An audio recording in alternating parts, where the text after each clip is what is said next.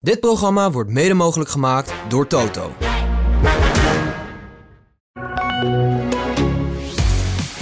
Een constructeurstitel die beslist is, een wereldtitel die beslist is en een seizoen dat nog vijf races duurt. In deze pitstop een paar dingen waar je de komende weken op kunt letten in het Formule 1 seizoen. Dat gaan we doornemen met onze man Marijn Abbehuis. Dit is de AD Formule 1 podcast. Mijn naam is Etienne Verhoef. Uh, Marijn, je hebt na Japan even kunnen bijkomen zeg maar, van Japan. Hè? Je hebt even nog van Japan kunnen genieten. Je hebt uh, Qatar heb je ongetwijfeld gezien voor de buis.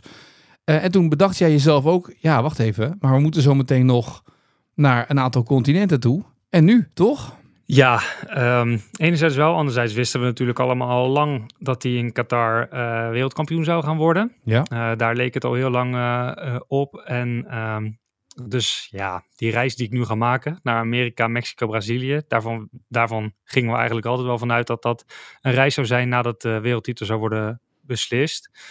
Um, dus ik was er ook wel een beetje op voorbereid. Nou mooi, maar dan kunnen we een paar takeaways toch voor de komende weken meenemen. En de allergrootste takeaway absoluut. begint nu te worden de toekomst van Checo Perez, of niet?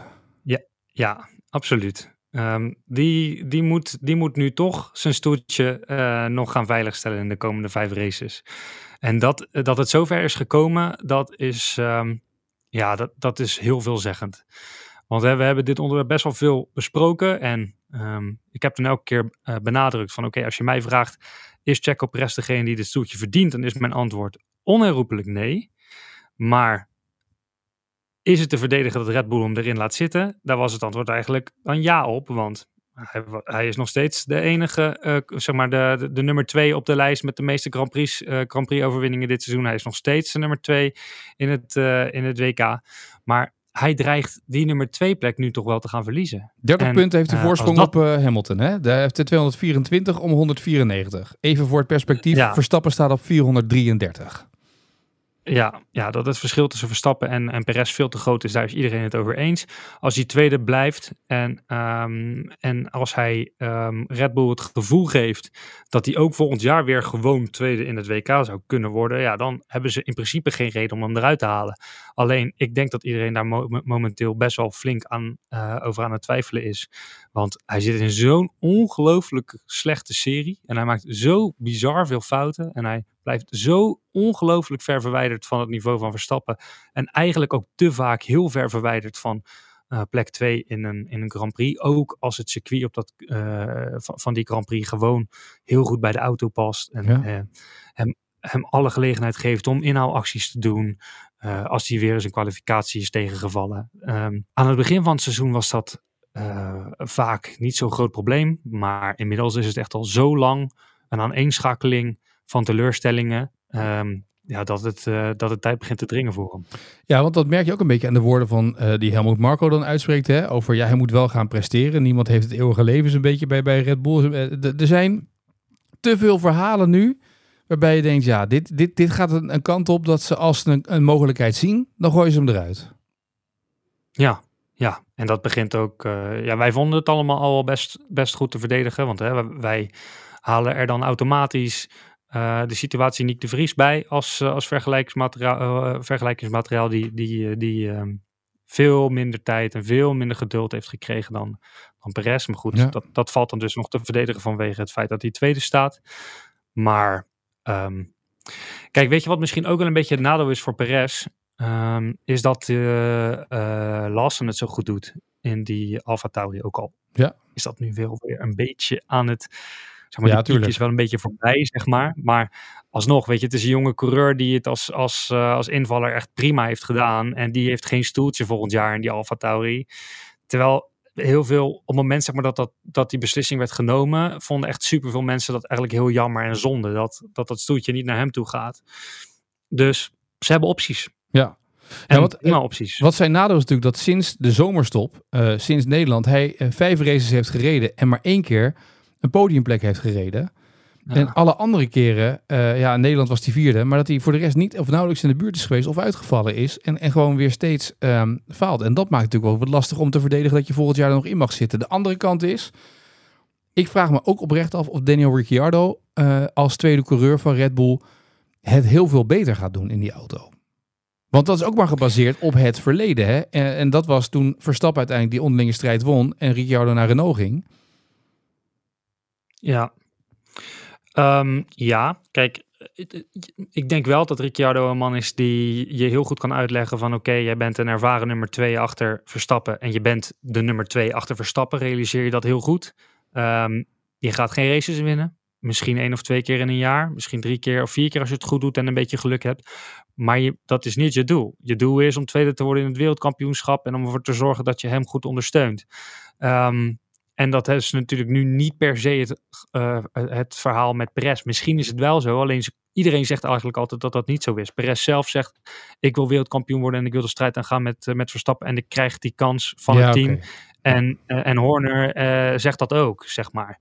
Dus hoe realistisch dat is en hoe logisch dat is, daar kan je natuurlijk over discussiëren. Alleen op het moment dat je Ricciardo naast Verstappen zet, dan zal dat heel nadrukkelijk de boodschap moeten gaan zijn om ervoor te zorgen dat Ricciardo zichzelf niet vergalopeert. Want als hij het idee heeft van ik moet zoveel mogelijk races gaan winnen in deze auto en hij bokst ook tegen Verstappen op, dan heb je weer hetzelfde probleem. En dat probleem krijg je in principe met iedereen. Ja, ja, de vraag is dat, we hebben het daar vaker over gehad. De vraag is, waar gaat het doen met die teams in de Formule 1? Dat ze een eerste man hebben en daarachter een, een ideale secundant hebben, zoals Bottas dat was bij Lewis Hamilton. Of dat je toch voor twee topcoureurs in één team gaat. Wat bij, nou ja, nu bij McLaren lijkt te gebeuren met Piastri en Norris. Die elkaar een beetje het leven uh, ook hier en daar zuur kunnen maken. Of Hamilton en Russell. Of Leclerc en Sainz. Ga je voor twee sterke coureurs. Of ga je dan met Ricciardo een man die uh, genoegen neemt met de, uh, die, die tweede viool?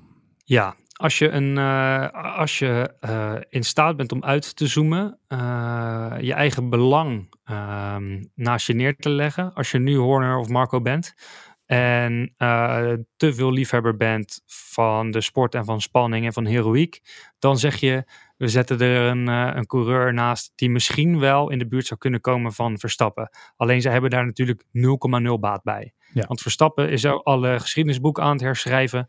En Horner is momenteel de, de, de teambaas aan het zijn die samen met Verstappen um, straks naast um, uh, Schumacher en Hamilton kan komen te staan. Misschien er wel voorbij kan als het allemaal goed gaat met die motor straks nog 2026.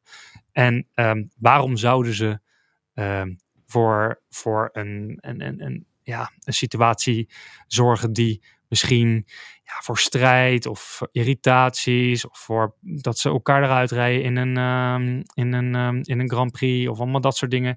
Dan moeten ze gewoon niet willen. Ik snap dat ze dat niet willen en dat gaan ze denk ik ook nooit doen. Nee.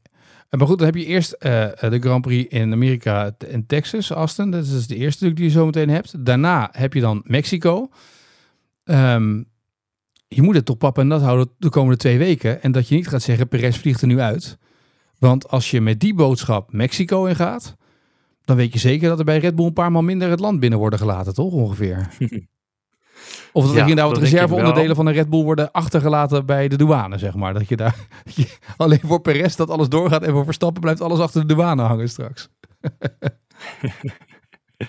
Ja, dan moeten ze verkeerde stickers erop plakken. Dat ze denken dat het voor, uh, nou, voor Perez is. Tippie, nee. eventjes wel. Ja, inderdaad. Als het, als het gedoe oplevert, even inderdaad uh, voor Checo Perez een stickertje erop plakken. Hè? Ja. ja, precies, precies. Ik, wat ik me wel gelijk afvraag is hoe, um, hoe gaat het sentiment richting Verstappen zijn in, in, in Mexico? Ja. Want uh, lange tijd heb ik eigenlijk gevreesd dat dat sentiment super negatief zou gaan zijn.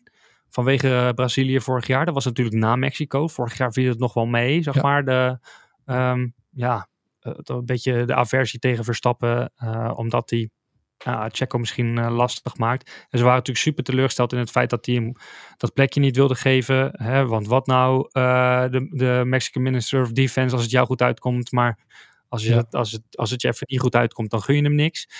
Dat, zou natuurlijk, dat sentiment zou nu natuurlijk zomaar eens best wel weggeëpt kunnen zijn, doordat Perez het gewoon niet laat zien.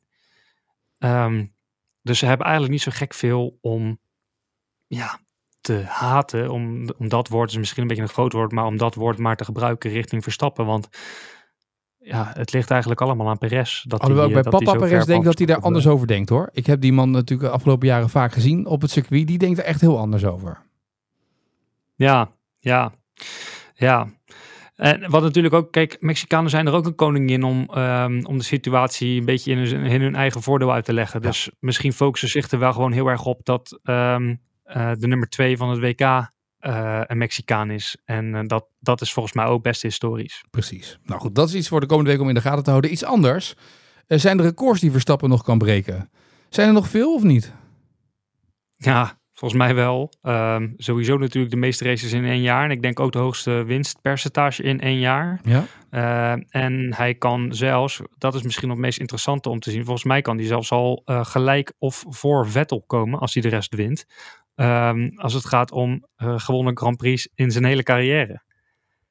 Ja, dus er zijn nog wel wat, aan, er zijn nog wat records te breken. Volgens mij heeft hij ook nog iets met de pole positions, toch? Die hij kan binnenhalen dit jaar. Dat hij er zoveel moet halen nog. Oh, is dat, dat ook nog wel redelijk uh, op hetzelfde rijtje. Dus dan Zou zijn kunnen, nog, moet ik me even in verdiepen. Ja, dus er zijn nog wat records voor de komende dagen, waar, de komende weken waar we naar kunnen kijken. Zeker, Verstappen rijdt niet voor de records, hè? Nee, dat nee, als... nee, die rijdt voor om wereldkampioen te worden. En omdat hij niet voor de records rijdt, doet hij de komende week ook rustig aan, toch? Dat zagen we ook ja, toen die, nou, wereldkamp... hij... die race naar die wereldkampioen, naar die, dat hij in de sprintrace wereldkampioen was geworden. Dat hij heel rustig aan. Precies. Verstappen zegt altijd, ik rij niet voor de records, maar ik wil gewoon alles winnen. Ja, maar dan heb je uiteindelijk ook alle records, dus dat scheelt. Weet je, als je gewoon die focus houdt, maakt het toch geen reet meer uit, toch? Ja. Nee, nee, nee, precies. Ja, nou, dat, zal, dat is interessant. Ik ben wel benieuwd of, of uh, Verstappen hier en daar nog risico neemt met, met, met een rondje, zeg maar, met een kwalificatie. Of dat hij dan toch denkt, nou, weet je, dat kan me... Maar het zit niet in hem om gas terug te nemen, lijkt mij altijd bij hem. Nee, nee. En weet je wat? Hij wil gewoon heel graag weten of er meer uit die auto te halen is. Of er, of er meer uit het pakket te halen is. Dus ik denk dat hij gewoon voortdurend zal, zal blijven zoeken naar uh, ook gewoon informatie. Um, die ze ook voor volgend jaar dus weer kunnen gebruiken, toch? Precies, ja. precies, precies. En ja, weet je, hij heeft natuurlijk... Het mooiste voorbeeld was natuurlijk Japan. Uh, dat, uh, dat ze in de kwalificatie... Dat hij al wist ik ga die kwalificatie winnen. Uh, hij, hij lag er al zo ver voor.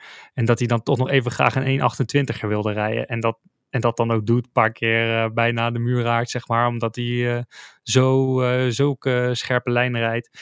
Dat zit er gewoon in. En ja, hij, heeft, hij is natuurlijk misschien juist nog wel meer in de positie om gewoon af en toe een beetje het randje op te zoeken. Om dat perfecte rondje te rijden. Om dat geweldige gevoel te hebben. Om ja, om, dat, om dat soort historische dingen te doen. Dus dat gaat hij echt niet laten. Nee.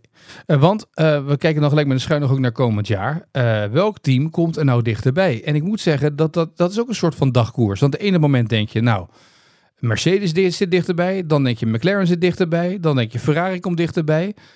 iedereen, het, het, is het blijft een beetje vertekenen. Of heb jij wel een duidelijk beeld daarvan? Nou, het, het, enige team dat een constante stijgende lijn laat zien is McLaren. Ja, maar dat is ook dat is inderdaad de laatste weken laten die steeds zien dat ze voorin mee kunnen doen en, en bovenin mee kunnen doen. Dat klopt. Ja, want eigenlijk sinds, sinds de zomer, sinds ze er uh, ineens bij stonden, uh, zijn ze ook niet meer weg geweest. Ze zijn, zij zijn echt wel een usual suspect op, de, op het podium zo'n beetje. Uh, ik denk alleen Monza niet. Mm -hmm. um, in Nederland ook niet. Nederland stond ze ook niet op het podium. Nederland was het Alonso nee? en Gasly. Oh ja. Ja. ja. En toen Perez. Ja, dat klopt, ja. Toen stond uh, Norris als zevende. Ja. Oké. Okay. En Norris stond nou inderdaad op het podium. Singapore stond hij op het podium. Japan uh, was inderdaad het podium met twee McLaren's. En uh, in Qatar, laatste was natuurlijk ook Piastri en Norris. Dus de laatste twee Grand Prix staan ze uh, structureel op het podium inderdaad. De laatste drie. Ja, en dus ook op allerlei verschillende circuits. Dus en, op Singer, en, en in Singapore en dan een week later weer en een week later weer. Dus en, en, zij komen natuurlijk best wel van ver, mm-hmm. relatief. Want uh, ik, kan me, ik zit ook even te denken, ik kan me ook nog herinneren uh, dat uh, Nick de Vries zat te vertellen over welke teams er sowieso boven, boven, um, boven Alfa Tauri zouden, zouden finishen. En dan had hij het over Red Bull, Ferrari, Mercedes, um, um, Aston Martin en Alpine. Dan noemde hij McLaren niet eens. Want die, ja, die begon natuurlijk ook heel matig aan het seizoen. En als je dan kijkt waar zij nu staan, dan dan verwacht ik het meest van dat team richting volgend jaar. Want die zullen ehm, ja, waarschijnlijk vierde worden in het, uh, in het constructeurskampioenschap. Uh, dus die hebben dan ook nog meer geld te besteden. Die hebben ook meer windtunneltijd komende winter. Dus die kunnen, die zitten voor een gevoel op de goede weg. Uh, dat is ook best wel stabiel, die, die stijgende lijn dus. En ja, die kunnen op die voet, uh, voet door. Dus ik verwacht eigenlijk dat McLaren volgend jaar het tweede team wordt. Ja. Op, als je het me op dit moment vraagt, en dat doe je. Dus. Nee, als je inderdaad ook wel kijkt naar die lijnen, zeg maar. Uh, Oostenrijk was uh, de vierde plek voor Norris. was voor het eerst dat ze in de, op de vierde plek eindigden. En daarna die tweede en die vierde plek in Engeland. Maar daarvoor was het echt 16e, 15e, 14e, 8e, 9e keertje wat puntjes bij elkaar sprokkelen. Bahrein, Saudi-Arabië. Het was allemaal helemaal niks. En als je dan ziet hoe dat na de nou ja, eigenlijk vanaf Oostenrijk en, en Engeland eigenlijk gegaan is. Hongarije was Norris ook tweede. Norris was de eerste die een beetje aanhaakte. En daarna kwam Piastri erbij, zeg maar, in het tweede gedeelte van dit seizoen eigenlijk. Ja, ja, het zijn natuurlijk ook allebei echt nog hele, hele beloftevolle coureurs. Waar iedereen een hoge pet van op heeft. Waar iedereen nog een hoop potentie in ziet. Dus ik uh, denk dat het ook wel uh, lekker werk is met die jongens. Dus ik denk dat ze misschien ook wel heel goed zijn. Gewoon in het terugkoppelen naar de, naar de engineers. Dat is een beetje gissen voor mij. Dus dat zal ik, zal ik aan die mensen moeten vragen. Is overigens wel een van mijn, van mijn doelstellingen de komende weken. Om bij McLaren eens even te vragen hoe het, uh, hoe het komt dat zij, dat zij zo'n stijgende lijn te pakken hebben. En of zij denken dat ze dichter bij Red Bull kunnen komen. Ja. Um, maar ja, dat pakket ziet er wel aardig uit. Ja, precies. Maar dan is het vooral dat ze boven de rest uitsteken. En hier en daar op sommige circuits Red Bull uh, 1, 2 rondjes kunnen bedreigen bij de start ongeveer. Toch? Dat is een beetje het verhaal nu. Verstappen, laat ik het ja. zo zeggen. Ja, ik, ik, zie, ik zie volgend jaar nog, nog niet zo heel veel bedreiging voor Verstappen. Ondanks dus al die, al die, al die nivellerende regels van de, van de Formule 1. Dus zeg maar, het gat kan wel wat kleiner worden. Maar ik kan me nauwelijks voorstellen dat het veel kleiner wordt. Want ja, Red Bull heeft het zo goed voor elkaar. En uh, die kunnen ook, ja die, ja, die kunnen al zoveel tijd en energie nu al steken in, in het volgende seizoen. Dat dat gaat niet te dichter gaat zijn. Nee, Oké, dan gaan we uh, dat maar even zien. Dan gaan we kijken hoe met McLaren of ze dat voort kunnen zetten uh, de komende weken. Nou ja, inderdaad, wat we zeiden, in Amerika volgende week. Dat zou wel een circuit moeten zijn wat op hun lijf geschreven is, toch? Met, met, met die snelheid die je daar kan maken. Ja, zeker weten. Zeker weten. Zal Zack Brown ook mooi vinden. Ja, zeker. Voor ons is wel een uitdaging. Want het wordt voor jou een latertje met opnemen. En voor mij een vroegertje, denk ik. Hè? Want die race is om 9 uur s'avonds. Met een tijdsverschil. Uh, ja. Ja, dan moeten we ja. moet even goed plannen volgende week. ja, ja, ja, dat worden weer allerlei constructies. Dat zijn de ouderwetse constructies. En dan uh, tot slot, want uh, we hebben het over Amerika. Um, Vegas, dat is de ene laatste Grand Prix van dit jaar. Um, dat wordt natuurlijk ook wel interessant, omdat daar voor de Formule 1 veel aan gelegen is. Hè. Ze zijn daar zelf fors in het investeren om daar een paddock neer te zetten. Ze willen ook daar misschien wel het nieuwe Formule 1 laten zien. Dat ze niet zozeer afhankelijk zijn van de Grand Prix, maar dat ze ook veel tickets zelf kunnen gaan verkopen. Mocht die testcase nou slagen in Vegas, dan kan je er lichtelijk van uitgaan dat ze dat natuurlijk op meer plekken zouden willen gaan doen, toch? Ja, ja, en die geluiden hoor je ook af en toe al wel, hè? Want um, toen vorig jaar er um, een hoop twijfel was, twijfel werd gezaaid over de toekomst van, van Monaco. En toen uh, duidelijk werd dat uh, Paul Ricard eraf zou gaan. Toen uh, gingen er natuurlijk al geluiden op dat er een straatcircuit in Nice zou gaan komen als nieuwe Franse Grand Prix. Ja. Er, er zijn af en toe geluiden dat de Grand Prix van Spanje, dat die weggaat uit, uh, uit, uit, Barcelona van het uh, circuit de Catalunya af. En dat, die, dat het een stratencircuit in Madrid zou moeten worden. Dus zeg maar allemaal hele sexy plekken, om het zo maar even te noemen. Met gewoon eenvoudige, maar spectaculaire stratenrondjes. Um, die zitten er natuurlijk al heel veel in. Zeker als het seizoen zo'n beetje op een kwart, een derde zit. Dan gaat het er al over van mogen we nou eindelijk weer, eindelijk weer een keertje op een normaal circuit gaan, gaan racen. Want het is wel straatrace hier, straatrace daar, straatrace straatrace zo.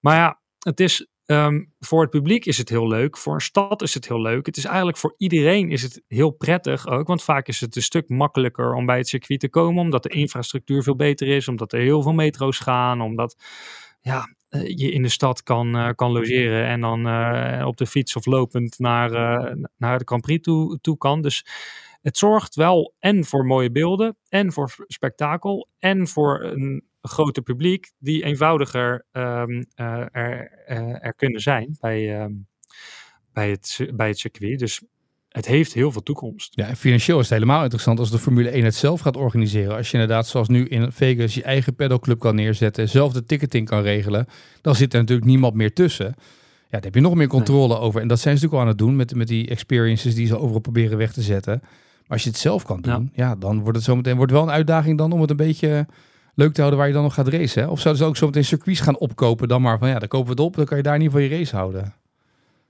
Ja, nou ja, dat zou, zou ook inderdaad nog kunnen, ja. Ja, of ze, um, of ze gooien er gewoon een paar spectaculaire nieuwe straatraces bij en, en, en ze doen het zelf. En dan verdienen ze weer net even wat meer geld. Hebben ze, uh, kunnen ze nog beter aan potentiële kopers laten zien hoe um, winstgevend um, deze sportklasse is. Ja. Want daar, daar zullen ze natuurlijk ook mee bezig zijn. Het is natuurlijk ook vaak, weet je, al die lange termijn uh, uh, contracten met, uh, met bepaalde circuits die heel veel betalen. Die zorgen natuurlijk ook voor dat je aan een potentiële koper van, van de Formule 1 laat zien, nou, dit, dit is zo toekomstbestendig, dit is zo winstgevend. Uh, doe hier maar eens even een fatsoenlijk bot op uh, mensen uit Saoedi-Arabië. Dan uh, kunnen wij eruit. Ja, overigens waren twee dingen die mij nog opvoelen. we gaan naar Amerika twee keer de komende vijf races. Is dat een mooi moment om te zeggen dat Andretti toegetreden is tot de Formule 1 of niet? Aangezien die door die ene laatste fase is en het nu eigenlijk aan de teams is om toe te laten. Maar een betere plek kan je niet hebben, toch? Ja, klopt. Ja, maar ik ben daar wel benieuwd naar nog. Want ik, ik durf nog niet te zeggen dat, dat zij erbij gaan komen. Hè. Nee, die teams houden tegen, dat... hè, een beetje. Precies, precies. En dat zag je al een beetje aankomen. Dat is waarschijnlijk ook de reden waarom het zo lang heeft geduurd. Um, um, dus ja, ja, een beetje kinderachtig toch wel. Ja, je kan er gewoon nog een team bijzetten, ja. Maar ja, ze willen het, je krijgt nog geld betaald ook. En dat volgens het, dat systeem, ze moeten ook nog toegang betalen, ja. Nou, ja. Ja, mij lijkt het wel interessant. Ja, ik, uh, ik, ben er wel, uh, ik ben er wel voorstander van. Als ze het bekend maken, denk ik dat ze het toch echt in Amerika gaan doen en niet op een andere plek. Als je dat in Qatar doet, heeft het geen waarde meer natuurlijk. Hè? Of in Saudi-Arabië volgend jaar. Nou, precies. precies. Ja, ja, zal, het dan, zal het dan volgende week al of misschien in Vegas? Vegas, dat is een podium voor Andretti toch, om dat daar bekend te maken. Precies. American ja, precies, je zou zeggen van wel. Ja, zo, ja. Als, dan zou ik, als ik Andretti zou ik daarvoor kiezen als, als, ik, die, als ik de mogelijkheid heb. Tot slot moeten we nog meeleiden. Ja, hebben. Logan Sargent gelijk uh, ja. aanstellen voor volgend jaar. Want nou. die heeft het supergoed gedaan. Dus. Ja, het is pas over drie jaar natuurlijk dat ze erbij komen. Hè? Dus het is 2025 dat ze erbij mogen. Maar dan inderdaad uh, nou, alles gelijk okay. vastleggen. Heeft... Precies. En tot slot, hij moet er nog medelijden hebben met Bernie Ecclestone, denk jij, of niet? nou ja, ja, nou ja dit goed. was een schikking.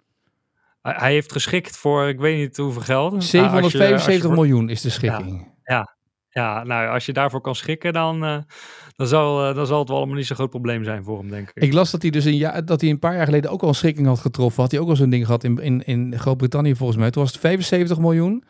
En nu was het een schikking die hij had gedaan en die was uh, 4, 775 miljoen. Maar de goede man schijnt, het ging om een, een trust fund dat uh, daar stond voor zijn dochters in uh, in Singapore. En, en dat ging over 400 miljoen of zoiets. Dus daar was een beetje het gedoe mee. En uiteindelijk dus nu uh, schikking. En daarmee, hij had nog 3 miljard staan. Dus op zich kon het wel. Hij wordt gezet op 3 miljard qua vermogen. Oh, ja. Oh, dat is niet eens de helft hoeft hij in te leveren, joh. Nee, nee, dus dat valt nog best mee. Kwart. Kwart, ja. Ja, dus relatief een derde ongeveer is hij kwijt. En dan, ja, ja, dat is dan een beetje peanuts, toch? Of niet? Zeker. dus geen medelijden met hem?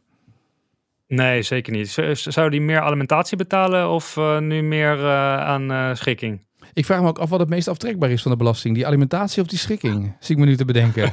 ik weet niet wat het meest gunstig is voor het vermogen. maar eigenlijk ook wel gek hè, dat die wereld, als je dat terug gaat rekenen, dat zo'n grote boef eigenlijk zo lang de basis geweest van Formule 1, van dat circus. Dus als je, als je over na gaat denken, ja. We hebben het nu over, over de Qatari en Saoedi's. En ik weet dat, er, dat het heel anders is met mensenrechten. Dat begrijp ik ook allemaal wel. Maar zo, deze man is ook gewoon de baas geweest van de Formule 1. En die heeft gewoon 3 miljard op zijn rekening staan. In zijn vermogen. Ja. eigenlijk, als je erover nadenkt, ook krankzinnig natuurlijk. Ja, dat is zeker krankzinnig. Het is een, uh, het is een aparte wereld. Ja, als, je, als je geld hebt, dan ga je geld maken en dan gaat het uh, dit soort dingen eruit zien. Goed. Uh, op naar, naar Circuits of America. Ja, heerlijk. Ja. Uh, kijk er naar uit om weer in Austin te zijn. Een superleuke stad. Dus, uh, Festivaletje erbij. Welke optredens heb je? Vaakst optreden toch? Is belangrijker? Ja, ja. Nou, kijk, dat de, de, er is een festival in Austin altijd het weekend ervoor. Ja. Dus die, die mis ik. Dus had ik er vandaag al moeten zijn. En, of, of en gisteren. Maar, maar um, vrijdag is de Killers. oh, de Killers, ja. Oké, ja. Ja, ja nee, vorig, vorig jaar waren Green Day en uh, Ed Sheeran en Interpol er. Ja. En uh, dit jaar zijn de Killers op vrijdag en Queen met Adam Lambert op uh, zaterdag. Nou, dat is toch uh, nog iets om naar uit te kijken, toch? Ah, ik, ga, ik ga zeker naar allebei die concerten, ja. Dat zou ik ook doen, ja, als het dat toch is. Hè? Daar ja, gaan die Amerikanen ook voor. Helemaal, voor die precies, Amerikanen is de Formule 1 een hinderlijke onderbreking van een popconcert. Oh, nou, dat, dat, dat was het, even serieus, dat was een paar jaar geleden was dat wel, gewoon letterlijk. Arjan vertelt wel eens dat er een file naar het circuit stond op het moment dat uh, de Grand Prix voorbij was. Ja, precies. Omdat ze dan uh, naar Taylor Swift kwamen. Ja. ja, dat, nou ja, dan mag je eh, aan gaan laven de komende dagen. Aan, uh, nou, nu kijken ze iets meer Formule 1 tegenwoordig. Het is iets hipper in Amerika. Ja, nou zeker weten. Vorig jaar was het druk. Maar dat is, wordt wel interessant om te zien of het nu nog steeds zo druk gaat zijn voor de race. Nu al bekend is wie de wereldkampioen is geworden. Ja. Dat wordt wel, maar ja, dat wordt wel interessant. Vorig jaar was het overigens ook al zo, maar toen was het hartstikke druk. Volgens mij was het vorig jaar de drukst, uh, drugsbezochte Grand Prix van het jaar, die in, uh, die in Austin. Maar het wordt wel interessant om te zien, want die dominantie is nu natuurlijk alleen maar groter geweest. En Amerikanen houden daar doorgaans niet zo gek veel van, als het geen Amerikaan is die domineert. Nee, precies. Dat is waar. Nou, uh, uh, aardige aandachtspunten weer voor de komende weken. Uh, wij spreken elkaar volgende week vanuit Amerika. Jij dan, ik gewoon vanuit Nederland. En dan we maar weer eens kijken hoe de Formule 1 circus dan allemaal weer gaat en wat er allemaal gebeurt. Dus ik spreek je volgende week. Yes.